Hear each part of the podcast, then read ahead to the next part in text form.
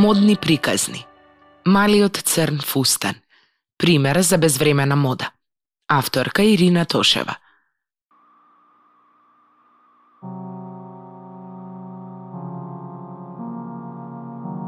По Првата светска војна Коко Шанел го представи малиот црн фустан и тој стана незаменливо модно парче за секоја жена.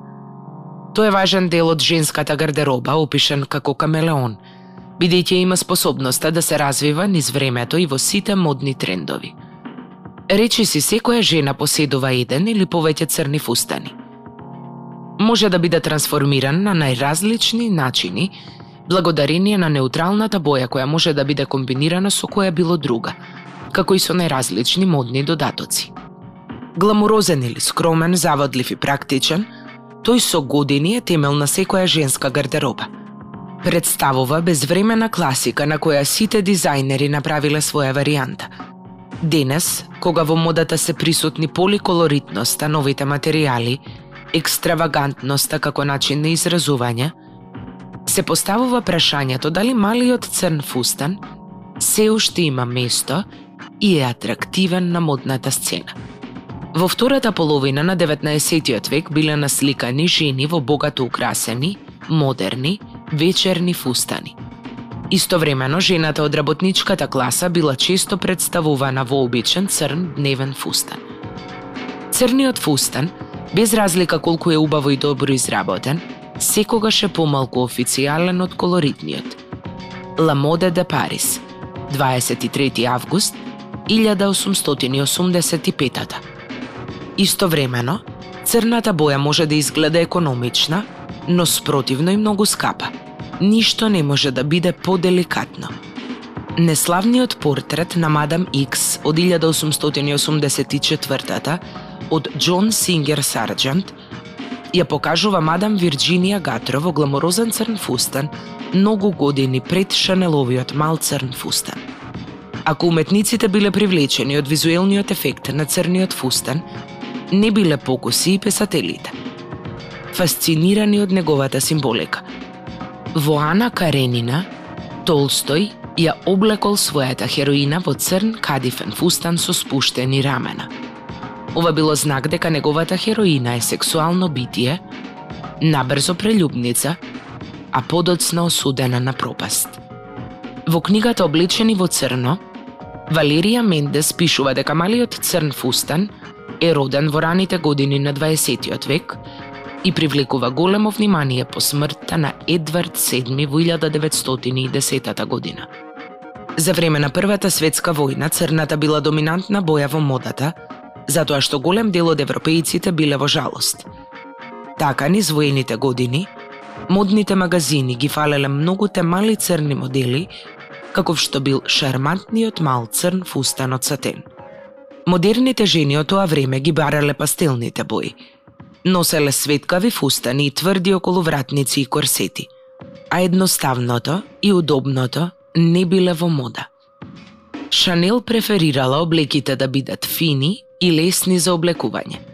Работела со удобни материјали и ги отфрлала тврдите јаки и корсети. Шанеловиот концепт за малиот црн фустан бил базиран на се поголемата потреба на жените за комоција и разноликост. Таа изјавила Луѓето се смејат на начинот на кој јас се облекувам. Но тоа е и тајната на мојот успех. Јас не изгледам како никој друг. Во 1926 година Шанел го представила малиот црн фустан, кој станал пример за елегантност. Бил расечен на вратот, краток и свилен, декориран со брош од кој се правел набор. Радикално едноставен, бил дизајниран да прилега на секоја жена. Значел моден идеал. Перфектно едноставен, а истовремено сензуален. Незината најголема конкурентка Елза Скјапарели исто така ја обожавала црната боја. Според незината автобиографија, незините клиенти биле жени кои сакале строги, сериозни костоми и јасни едноставни црни фустани. Пристигнувањето на малиот црн фустан во ерата на прохибицијата не било случајно. Коктелите и облекувањето станувале попримамливи и се помалку скромни. Жените се почесто почнале да ги покажуваат рамената, половината и нозете. Во периодот помеѓу 1940-та и 1950-та година, во малиот црн фустан се влюбувале сите.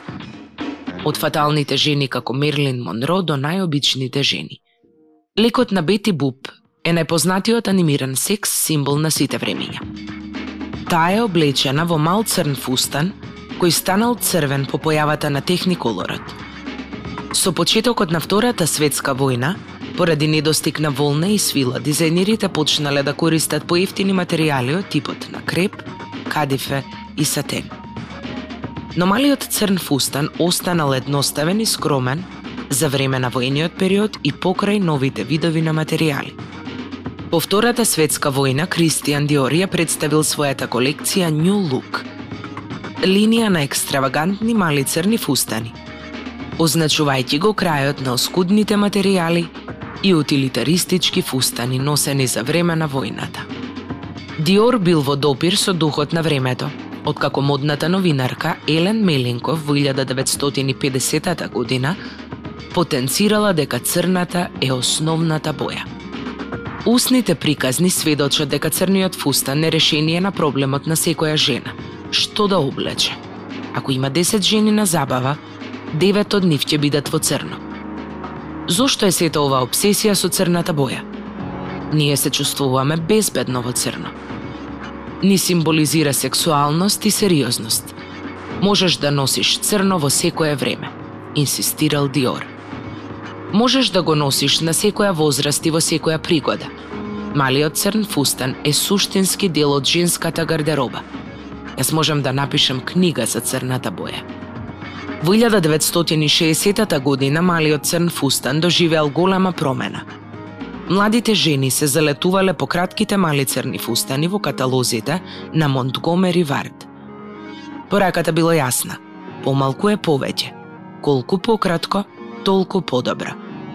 Джани Версаче бил највлијателниот креатор на антибуржуаскиот мал црн фустан. Во неговата колекција го одземал сексуалниот кожен изглед, претворајќи го во модерен и шик. Потоа повторно го обновил шокот од панкот со познатиот црн фустан со безопасни игли, носен од Елизабет Харли во 1994 година, на премиерата на четири свадби и погреб. Тоа е само здодевна стара панк класика. Вака Версаче го опишал фустанот кој го внил во модната историја и наполнил многу насловни страници. Во книгата на Нина Гарсија, Мала црна книга на стилот, таа ја разоткрива модната легенда дека Коко Шанел го креирала малиот црн фустан помеѓу страниците на магазинот Vogue.